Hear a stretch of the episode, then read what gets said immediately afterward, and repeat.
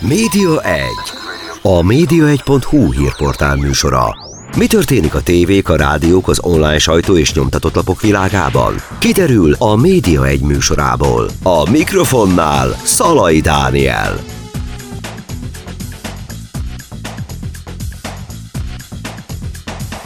Köszöntöm Önöket a Média Egyet hallják, vendégem pedig Hédvégi Zoltán, az Umbrella alapítója. Szia Zoli! Hello, szia! Több hír is jött, ami veletek függ össze. A legutóbbi az volt, ahol már itt neki fölkaptam a fejemet, hogy ez érdekes, hogy több workshopotok is indul, ingyenes képzések, ahol produkciós workshop, utómunka workshop, 3D workshop, social media workshop, ahol bárki tényleg jelentkezhetett, anélkül, hogy ezért térítést kellett volna fizetnie. Mi volt ez a cél? Ennyire nincs ma már munkaerő a piacon? Hát ennek a workshopnak igazából egy kicsit visszatekerném így az időkerekét, ugye 2020 Covid, és gyakorlatilag hát az egész marketing piac, meg reklámpiac az egyik ugye legjobban sújtva volt ugye a Covid által, és azon agyaltunk, hogy valójában mikkel lehetne egyébként egyrészt az embereket összehozni, másrészt hogyan lehetne fenntartani ezt a bizonyos tudástranszfert, ami egyébként egy borzasztó fontos része az egész reklám szakmának, mivel egy elképesztően gyorsan fejlődő szakmáról van szó, tehát ami most igaz, az jövőre már nem lesz, és igazából úgy voltunk vele, hogy hát itt azért az elmúlt másfél évtized alatt az elég sok tudástapasztalatot megszereztünk, ezt meg szerettük volna osztani másokkal, és hát úgy igen, igen nehéz, hogyha mindenki csak home office-ban van, stb. Úgyhogy igazából az első workshopok azok gyakorlatilag Zoomon keresztül mentek, aztán ugye, hogy szép lassan tért vissza az élet, akkor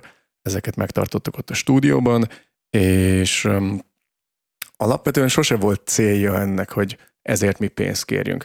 Ugyanis alapvetően egy olyan hát mentalitással dolgozunk, hogyha az egész szakmának nagyobb a tudása, több a tudása, aktuálisabb a tudása, akkor, um, akkor az mindenkit feljebb emel szakmailag is, és gyakorlatilag a végeredmény, amit ugye a reklámszakma ugye kiad magából, a sokkal jobb lesz. És um, vicces egyébként, mert általában azt kérdezték, hogy jó, de nem féltek-e, hogy akkor az ügyfeleitek akkor megtudják, hogy kell filmet csinálni, és akkor kihagynak benneteket. Erről mindig azt mondtam, hogy hát, hogyha egy délelőtt alatt ők megtanulják ebből a filmgyártást, akkor hajrá, akkor ők, ők nagyon jók, és mi vagyunk nagyon bénák. Viszont ez az egy félnapos program pont arra elég, hogy annyi, annyit átadjunk, hogy olyan lehetséges buktatókat mutassunk meg nekik, vagy olyan, olyan fejlesztéseket, vagy nem feltétlenül csak a sajátjaink, amitől ők jobb eredményeket tudnak elérni. Vagy akár mondjuk egy reklámügynökség jobban ki tudja szolgálni az ügyfelét. És persze ez jó értelemben aztán mindig majd ránk esik vissza, hiszen nálunk kapták meg ezeket a tudásmorzsákat. Úgyhogy ilyen szempontból, ja igen, és ezt semmi mondjuk jogi kötelezettség. Ezt akartam kérdezni, hogy nem, nem jár azzal, hogy akkor utána ott kell dolgozni a nálatok, vagy nem, mind, minden vennie kell terméket, alapú. vagy szolgáltatást, ugye ilyen szokott Nem, lenni. alapvetően úgy vagyunk vele, hogy egy jó kapcsolat az akkor jó, hogyha hosszú távon is önkéntes, és szerintem az üzletben úgy érvényes, mint a magánéletben. Megmondom őszintén, amikor láttam ezt a négy workshopot, akkor én is így gondolkodtam, hogy el kéne erre menni. Nagyon sűrű volt az összem, úgyhogy nem fért bele az időbe, de mindegyik annyira hasznos, tehát ez az utómunka is, nyersanyag átadását követően mi történik, a 3D workshop is, hogy lehet ilyen háromdimenziós dolgokat megvalósítani, social media, aztán ugye megint csak nekünk még jobban hasznos nyilván, hogy hogy lehet hatékonyan jelen lenni a, a közösségi médiában illetve ez a produkciós workshop is, ami a produkciós folyamatokba enged betekintést, világítás, kameramozgás, ugye ez is egyébként kapcsolódik mondjuk akár az influencerkedéshez, hogy mondjuk YouTube videót gyárt az ember, egyre többen teszik ezt meg, de lemaradtam, lesz még ilyen? Igen, tervezzük, hogy 2023-ban is lesznek egész éven áttartó workshopok. Itt most egy kis szünetet tartunk, egyrészt itt a karácsonyi időszak miatt, másrészt meg közben azért fejlesztjük az újfajta workshopokat, pontosan azért, mert egyrészt tartalomfogyasztásban, másrészt technológiában is fantasztikus tempójú ugye a, a változás, és hát ezeket nekünk egyfelől ugye le kell kövessük, implementálnunk kell, és aztán tényleg átadni a tudást, ugyanis tényleg csak olyasmiről szeretnénk úgymond prédikálni másoknak, amit, amit mi is meg kipróbáltunk. Azon egyébként nem gondolkodtatok, hogy akár ezek hosszabb képzések legyenek, több hetes, több hónapos, tehát hogy kvázi egy ilyen iskolát nyitni, egy ilyen kreatív iskolát? Ott még nem tartunk, de az ötlet az minden esetre eléggé, eléggé kecsegtető. Uh-huh. Mert hogy egyébként ugye ti egy kreatív műhely vagytok, ezt hogy kell elképzelni, hogy bérgyártásban elvállaljátok, hogy mondjuk valakinek elkészítitek a reklámfilmét? Igen, illetve hát még annak idején azért is adtuk ezt a nevet a cégnek, hogy Umbrella, mert hogy elég sok mindent fér be így az ernyő alá. Itt elég sok saját gyártású dolog van, mint például videoklipek, vagy akár mondjuk dokumentumfilmek, rövidfilmek, stb. Viszont a, az üzleti részének a legnagyobb része az pedig a reklám és online tartalmak, amiket gyártunk ügynökségeken keresztül, brendek számára itthon és külföldön. Most jöttél meg Németországból, Düsseldorfból, ez azt jelenti, hogy akkor ti már külföldön is jelen vagytok, terjeszkedtek? Igen, abszolút. Hát historikusan úgy volt, hogy a német nyelvű piac, ugye a három ország, plusz Nagy-Britannia az mindig nagyon-nagyon fontos, fontos volt számunkra, Úgyhogy az első fizikai stúdiónkat azok, azt most ősszel alapítottuk Németországban, Düsseldorfban, és hát nekem most az egyik legfontosabb feladatom, hogy ott helytálljak, és ott felépítsem az ottani részét a dolgoknak. Akkor rálátással bírsz arra, hogy mennyiben tér el a magyar és mondjuk a német piac, mennyiben másak a kérések, a, a részletek, miben térnek el? Szerintem nagyon sok a hasonlóság a két piac között, viszont mivel um, méretéből fakadóan a német reklámpiac szerintem a magyarnak mondjuk a 20-szorosa, um, annak ellenére, hogy ugye tehát lakosság arányosan is, is nagyobb ott a, a, a reklámpiac, sokkal jobban szegmentált, sokkal jobban van, van felosztva. Tehát nagyon kevés az olyan szereplője a piacnak, aki mondjuk egy kalap alatt csinál mindent. Sokkal inkább specializáció jellemző arra a piacra. Hogy látod, hogy ez a mostani gazdasági helyzet mennyire ütötte meg ezt a piacot? Mennyire tűnik borúsnak a jelen, illetve a jövő? Hát Németországban ugye jönnek most nekünk mindenféle német reklámipari hírlevelek, ott gyakorlatilag havi rendszerességgel temetik a médiapiacot és a reklámpiacot, számunkra, mint magyar vállalkozás, ez igazából, ha lehet egyet ilyet mondani, ez valójában kedvező, mert az azt jelenti, hogy minél nagyobb a baj, annál nagyobb ugye az árérzékenység, és annál inkább nyitottabbak az emberek arra, hogy ugye új dolgokat kipróbáljanak, új partnereket kipróbáljanak, és ott jövünk mi be a képbe, hogy azért már van elég jó tapasztalatunk, referenciánk a német piacsal kapcsolatban, viszont vagy elképesztően jó árelőnyünk is, hiszen ugye itthon dolgozunk, itthoni munkaerővel, ami ugye a kintihez képest azért egy nagy differenciát eredményez. Miért pont Düsseldorf? Hát az gyakorlatilag Németország egyik reklám és médiaipari fővárosa. Hogy kerültetek oda be? Mennyire volt ez nehéz? Magyarként egyszer csak ott ügyfeleket szerezni, megbízásokhoz jutni? Volt egy hát egy ilyen furcsaság, mielőtt én 2004-ben az Umbrellát alapítottam volna, én a főiskola után elmentem szakmai gyakorlatra, van ez az ISEC nevű szervezet, és Bonn városában a DH-nél voltam egy évig gyakornok. Na most úgy adódott, hogy azóta egyébként helyel közel gyakorlatilag a DHL azóta is az ügyfelünk, és ez ugye azon a környéken van, és Valahogy... Nagyon nagy irodaháza van ott, egy torony. Ez, én abban a toronyban dolgoztam, Aha. igen, amikor épp építették, nagyon friss volt az a torony, és hát ugye az utca túloldalán van a Deutsche Telekom, akkor előbb-utóbb oda is be tudtunk kerülni, és hát igazából Bonnból, Bonnból átmenni Düsseldorfba, ugye villamossal gyakorlatilag át lehet menni, úgyhogy az mindig egy ilyen nagyon-nagyon kis fontos része volt, és nekem ilyen szívügyem volt ez a Németország, és hát az évek alatt így tényleg nagyon-nagyon lassan, apránként az építettük ki ott az ügyfélkört. És a bejutás, tehát az, hogy egyáltalán szóba álljanak veletek magyarként, ez hogy, hogy, hogy indultatok neki ennek az egésznek? Ez egy jó kérdés, mert alapvetően én azt, az a tapasztalatom, hogy ha egy némettel angolul beszélsz, akkor nagyon jó, korrekt beszélgetés van, Viszont, hogyha megszólalsz az anyanyelvén, akkor gyakorlatilag az az, az érzés van, hogy mintha így fellélegeznének hirtelen, oh, na végre, akkor tudom rendesen mondani, mire van szükségem, stb. És én szerencsére elég jól tudok németül, úgyhogy ezt azért ott nagyon pofátlanul kamatoztatom ezt a, ezt a részét, és ilyen szempontból annyira nem, nem volt szerintem nehéz. Nyilvánvalóan, mint külföldieket, és úgy, hogy azért nem vagyunk egy hollywoodi stúdió, alapvetően tényleg ez egy ilyen alulépítkező dolog. Tehát pont azokat a, a munkánkat vállaltuk el, amikre mondjuk tényleg egy nagy német stúdió ugye már nem hajolna, de meg ilyesmi. És hogyha azoknál is ugye ugyanazokat minőségi elvárásokat tudjuk teljesíteni, na akkor jönnek vissza. És más városokban is már jelen vagytok, más országokban már akár? Angliában, Londonban van, van egy-két ügynökünk, meg Dubajban, és ők hoznak alapvetően utómunka és animációval kapcsolatos dolgokat. Ott fizikai stúdiónk ott még nincsen. Majd szeretnénk egyébként, hogyha minden jól alakul. Magyarként milyenek az esélyek bejutni ilyen helyekre? Hát ugye London a második legnagyobb magyar város, tehát ott azért annyira nem nehéz ilyen szempontból. Hát Dubaj az egy teljesen más világot, abszolút kell hagyatkozni ott a, a lokális erőkre. Uh-huh. Hogy látod, hogy itthon, ugye ez a temetés, ez itthon is érzitek ezt az ügyfél, ügyfelek között, vagy tehát a temetik a jövőt, meg temetik a jelent kérdését, vagy, vagy ez másképp alakul? Én inkább úgy fogalmaznék, hogy nagyon-nagyon keresik a kiutat.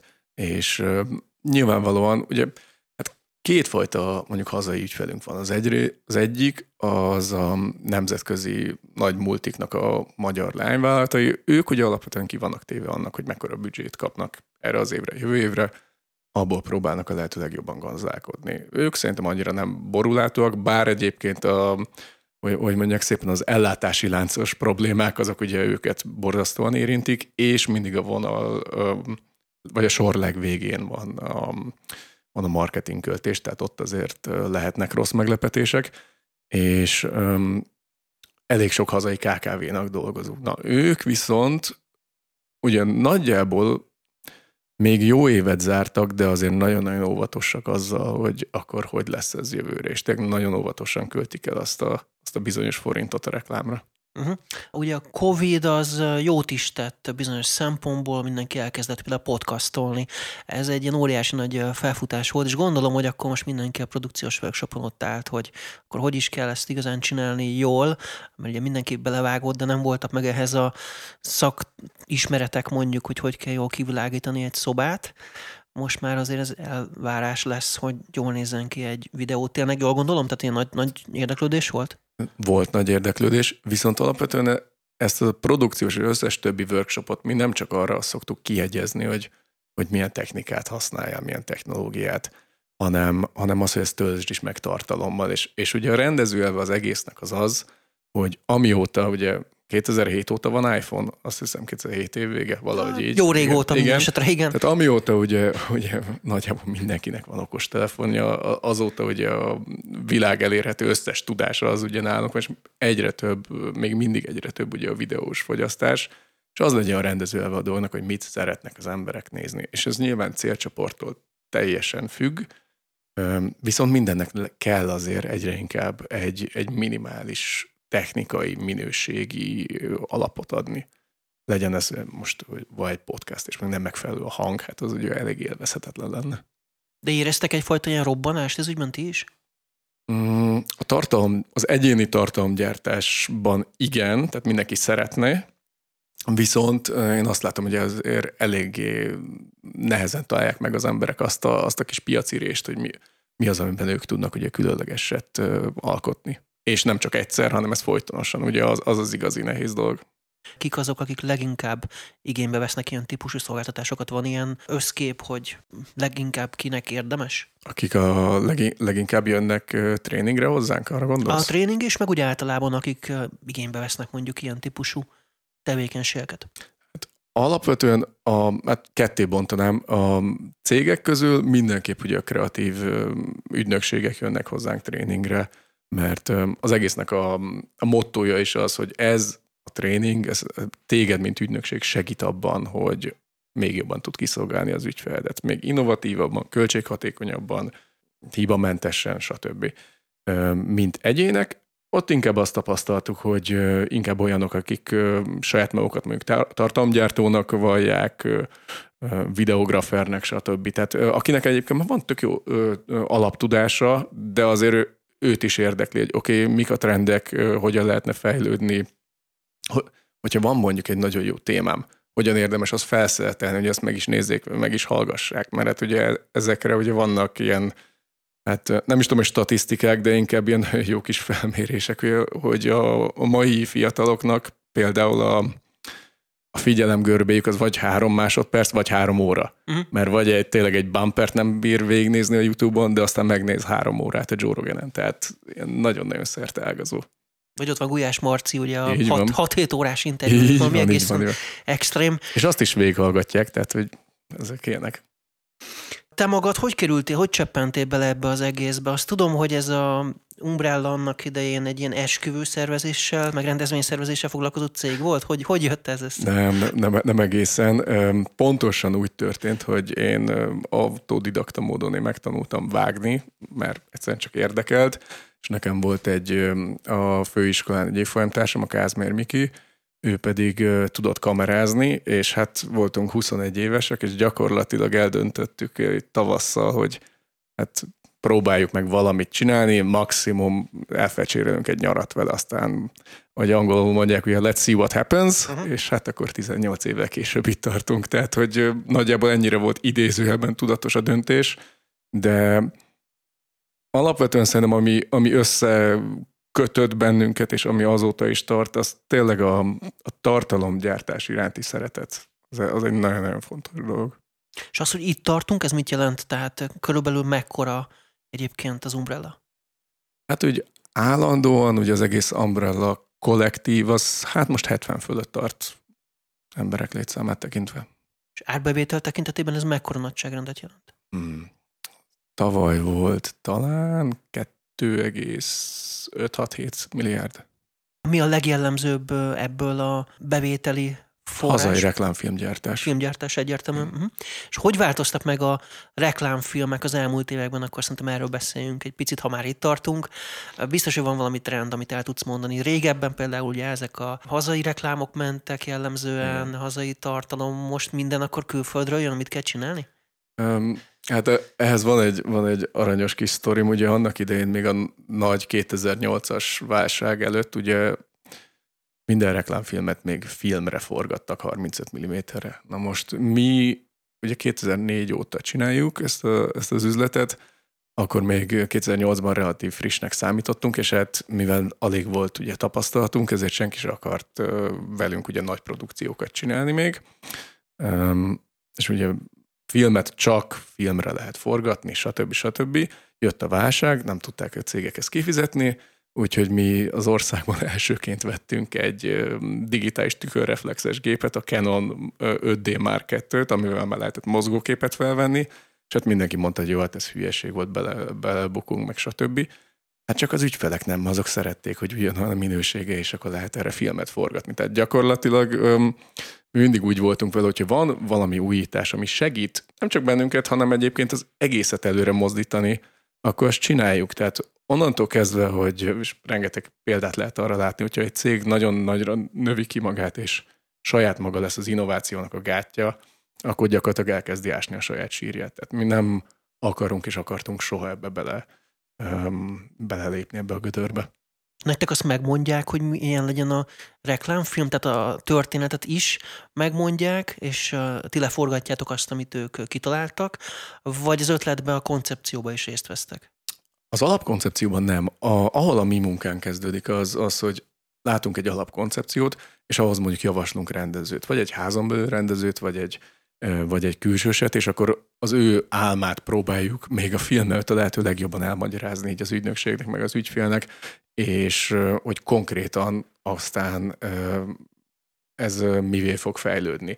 Mert ugye a papír az ugye mindent elbír, tehát bármilyen kreatív koncepció kezdődhet azzal, hogy egy fehér homokos tengerparton vagyunk, főhősünk belép, és aztán, hogyha meglátjuk a büdzsét, jó, akkor mi lenne, hogyha ezt valójában megpróbálnánk így a megvalósíthatóság területére így átvinni. Tehát onnantól kezdődik a, a mi munkánk, és akkor egészen odáig, hogy tévében utána látod, és adásban van. Innen fogjuk folytatni rögtön a kis szünet után Hidvégi Zoltánnal, az Umbrella kreatív műhely alapítójával. Maradjanak velünk, tehát a szünet után jön vissza a Média 1. Média 1. A média1.hu hírportál műsora. Mi történik a tévék, a rádiók, az online sajtó és nyomtatott lapok világában? Kiderül a Média egy műsorából. A mikrofonnál Szalai Dániel.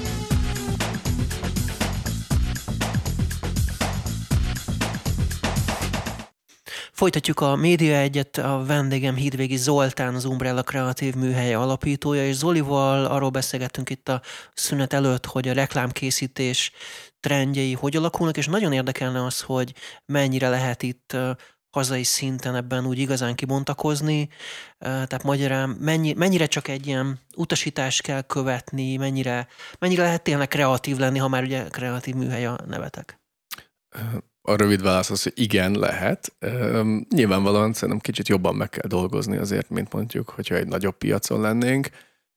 Viszont rengeteg jó példa van, és most nem, nem a saját példáimat mondom, de, de van például egy hazai kis reklámügynökség, aki ugye főleg ugye az ötletelése és a koncepció kialakításával foglalkozik, és ők egy német kampányjal gyakorlatilag végignyerték egész Kant és az összes nagy német díjat, amit, amit lehetett. Tehát, hogy alapvetően én azt gondolom, hogy van itthon elég szellemi tőke, és igen, hát egy kicsit jobban kell úgymond nyomulni a cégeknél, hogy tényleg ne csak az legyen, hogy mondjuk, ami ugye az én szakterületem, tehát hogyha jön mondjuk külföldről egy Coca-Cola film, hogy ez most a nemzetközi film, amit egész Európában játszani kell, rakjatok alá egy magyar szinkront és kész, versus gyártsunk saját tartalmakat. Nyilván persze meg kell győzni, hogy ez azért fontos, mert a a hazai piac ö, sajátosságai miatt ezek, hogy hatékonyabb lesz, ö, natívabb lesz, jobban fogja elfogadni a közönség, de hogy alapvetően ö, van rá szerintem igény továbbra is.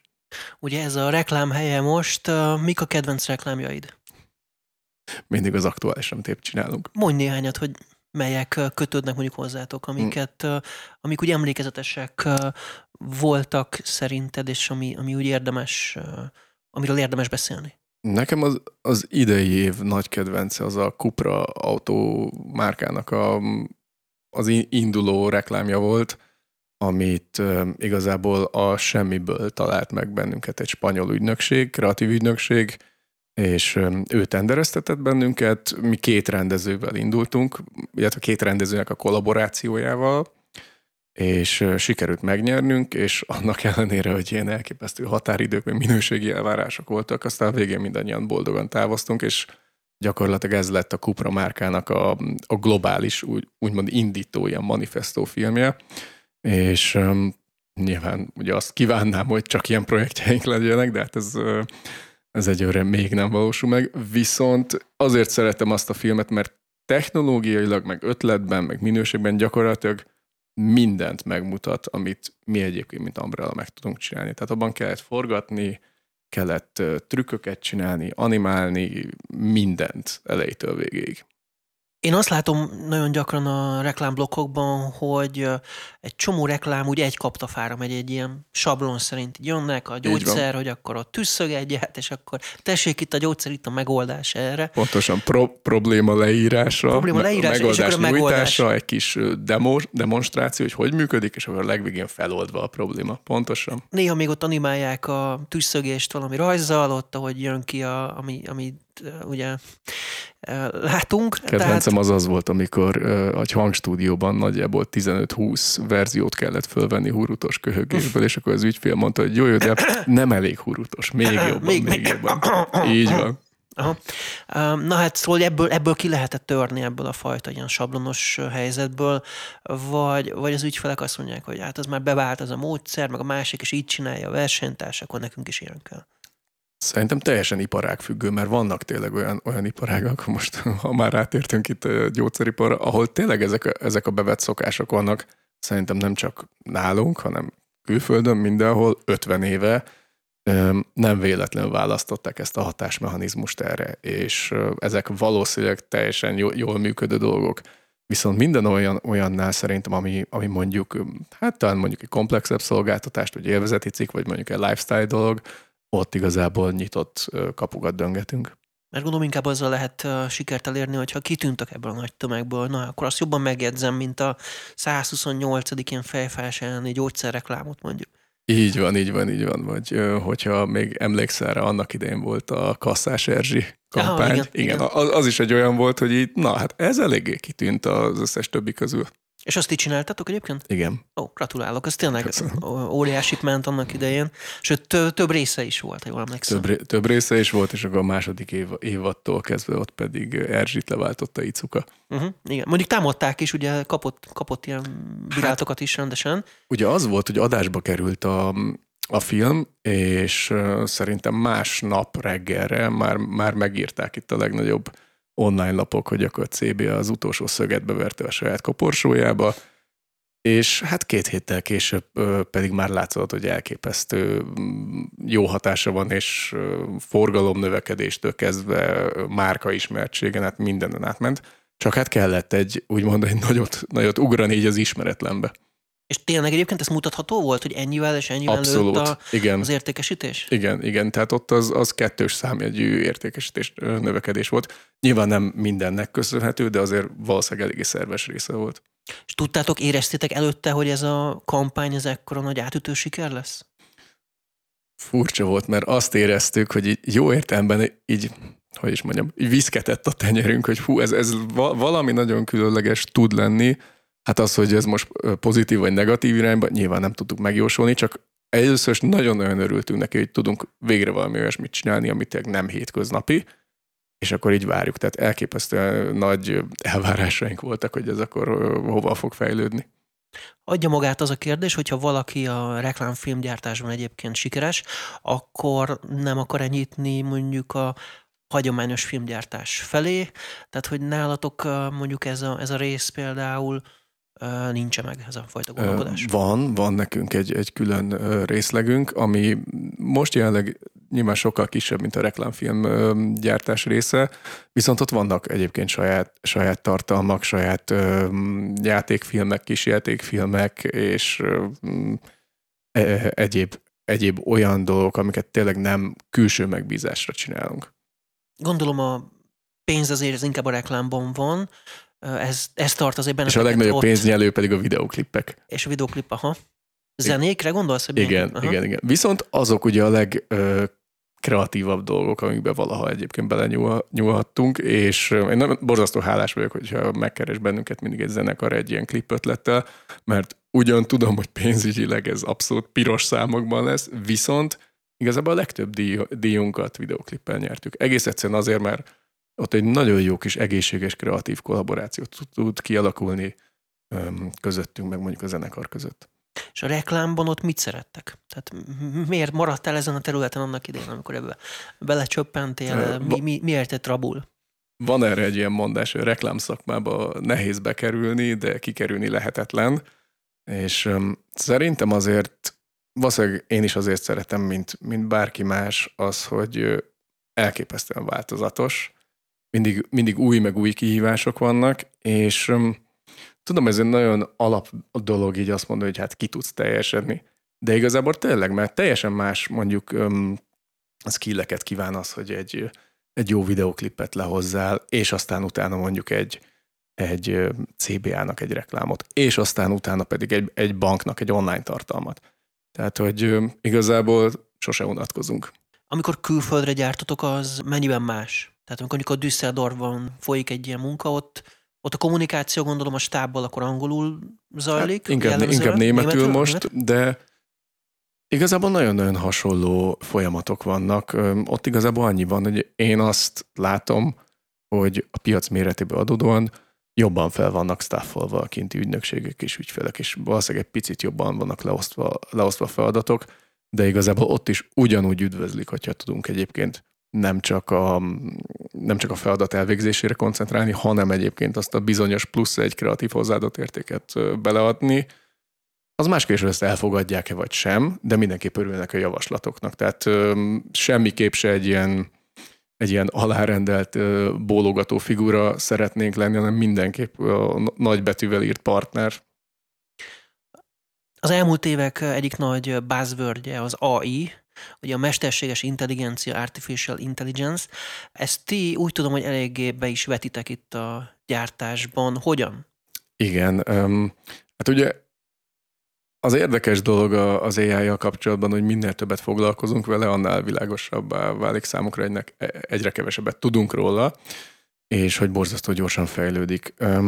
Több, több felhasználási területe van, főleg itt a, a preprodukció során, tehát az előkészítések során, tehát például árdirektorok, grafikusok munkáját lehet ö, megkönnyíteni és me, meggyorsítani, és olyan látványterveket lehet tényleg percek alatt csinálni, amire ezt megelőzően napok kellettek, és, és mondjuk egy új verziót megcsinálni még rövidebb idő, még egy, még egy grafikusnak mondjuk, hogyha van egy látványterved, és azt mondod, hogy ez nagyon szép, mi lenne, ha máshonnan jönne a fény, akkor újra kell rajzolni az egészet. Míg az AI-nak ezt így mondod, és 40 másodperc múlva készen van a, a, az új cucc.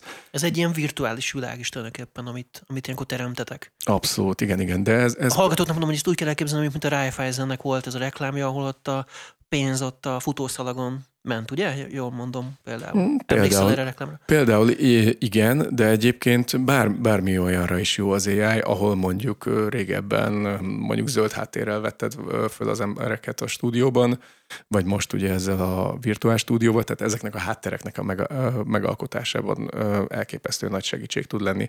És egyébként ugye az szokott egy ilyen morális, hát nem is tudom, hátulütője lenni, vagy azt szokták mondani, hogy tehát akkor szegény grafikusok, meg árdirektok munkanélkül maradnak, és így mondjuk nem, csak átalakul a munkájuk, sokkal nagyobb outputjaik lesznek. Tehát ez kicsit olyan, mint hogy a Henry Fordnak mindig mondták, hogy gyorsabb lovakat kéne csinálni, és nem autókat. Vagy hasonló ahhoz, amikor a könyvelőknek azt mondják, hogy vannak ilyen könyvelés támogató, automatizáló rendszerek, szinte lekönyveli már neki, összeköti a bankszámlát a banki műveletekkel, meg a számlákkal, Igen. és nem kell elvégezniük, és négy óra helyett mondjuk egy óra alatt megvan ugyanaz a tevékenység, vagy akár egy nap alatt. Gondolom itt is ilyesmiről van szó. De igen, milyen, meg, igen? Meg, ne, meg ne felejtsük el, hogy alapvetően mi a végcél? A, a rendező elv az az, hogy tényleg a lehető legmagasabb minőséget a lehető leghatékonyabban tudjuk megcsinálni. És hogyha egy ilyen munkafázisra tényleg egy nap helyett fél óra elég, az azért jó, mert akkor rengeteg kísérletezésre ad, ad még időt, és ez valószínűleg meg is fog látszani a végeredményen. Tehát csak egy visszatérve így még az eredeti témára, tehát minden ilyesmi, ami, ami innovációval határos, vagy innováció témában benne van, abban abszolút benne vagyunk, és egyébként én már egy, látom, hogy valószínűleg jövőre az egyik workshopunkban az eléggé nagy részt fog kivenni ez az AI. Van ennek már valamilyen etikai szabályozása, hogy ezt hogy kell csinálni? Hát, ilyen központi etikai szabályozása nincsen, inkább ilyen, ilyen irányelvek vannak. Tehát például um, ugye emberi arcok megalkotása mesterséges intelligenciával. Minden szabad egészen addig, amíg nem mondjuk konkrétan a hivatkozásba, tehát hogy briefeled az AI-t, beleírod, hogy ez már pedig XY-ra hasonlítson. Ugyanis, hogyha, hogyha a végén ebből nem is tudom, valaki miatt ez perre kerül a sor, hogy már pedig ez a, ez a figura hasonlít rám, akkor az egész logot azt ugye be kell mutatni, hogy valójában ez a véletlen műve, mert én nem írtam be a te nevedet, hogy rád hasonlítson, hanem csak attribútumokat írtam be, hogy ilyen jellegű emberre van szükségem. Ugye szokott filmekben lenni, hogy a valósághoz kapcsolódó hasonlóság az csak a véletlen műve, stb. Pontosan, stb. pontosan. E, itt is, de hát az mégis Akkor elolvastad az apró betűt.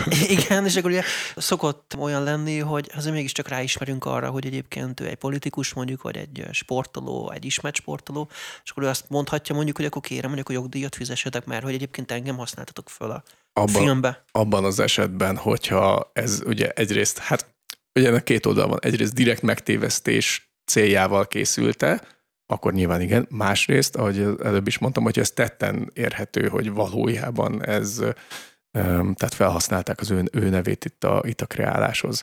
Viszont ennek van ugye a teljesen másik oldal, az most nem tudom, hogy mennyire igaz vagy nem igaz a sztori, de Bruce Willis ő például ugye beszkenneltette a arcát pontosan azért, hogy utána lehessen őt AI alapú karakterként filmekben felhasználni. Hm.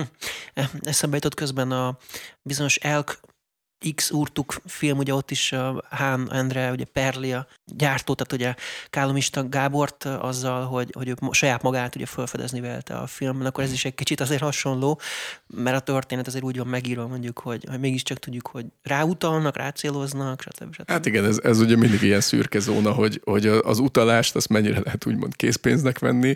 Itt az AI-nál ugye mivel minden digitalizálva van, ezért eléggé tetten érhetőek e-, ezek a dolgok, de azt gondolom, hogy ez még sok-sok év még egyszer, nem tudom, a, ennek az alap, alapvető um, keretrendszerét majd valamilyen amerikai bíróság majd kimondja, és akkor onnantól ez a precedens érték. Ez jelen esetben ezzel az egy apróbetűs mondattal, amit említette, és nagyjából kivéthető a dolgok 99%-a.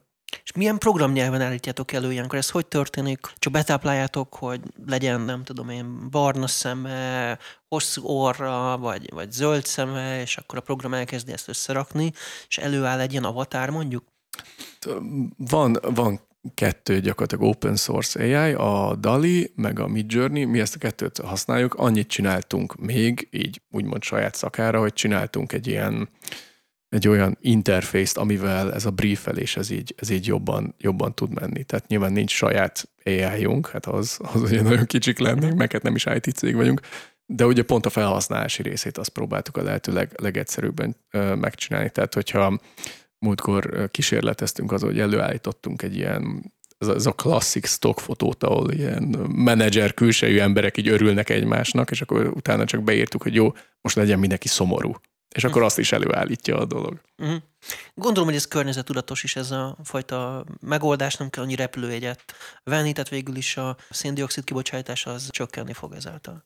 Lehet egyébként, ugyanis a, hát eleve ugye a filmgyártásnál az most borzasztó nagy trend lett ugye a Covid óta, hogy a lehető legzöldebb legyen a filmgyártás, tehát nekünk is nagyon kell ügyelnünk arra, hogy hogy akkor milyen poharakat adunk, adunk egy forgatáson, minden újra hasznosítható legyen, és például ami mondjuk régebben, régebben volt, hogy mondjuk kellett ö, csinálni egy, egy ö, nem is tudom kinek csináltuk, de a lényeg az az, hogy a foci stadion tele kellett rakni emberekkel.